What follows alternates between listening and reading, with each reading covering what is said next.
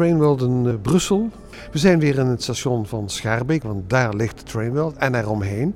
Piet Jonkers, uh, ik zie overal Lego-figuurtjes staan. Ja, dat klopt. We hebben met uh, Lego een afspraak gemaakt dat we graag onze jongste gasten, de kinderen met name, verwelkomen. En dit doen we met een raadsel, eigenlijk een zoektocht.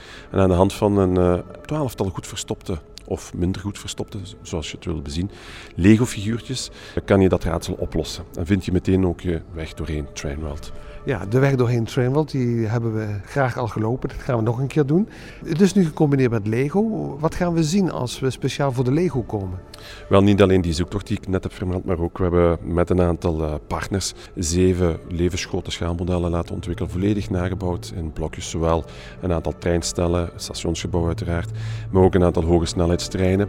Daarnaast uh, ga je doorheen het museum ook een aantal grotere figuren een treinmachinist, een stationschef of een uh, mooi geklede heer die de Orient Express neemt. Maar natuurlijk dan helemaal uitgevoerd in uh, Lego-blokjes terugvinden. Tot 31 januari 2019. Mensen die meer willen weten, jullie de website. Ja, inderdaad. Gewoon www.trainworld.be.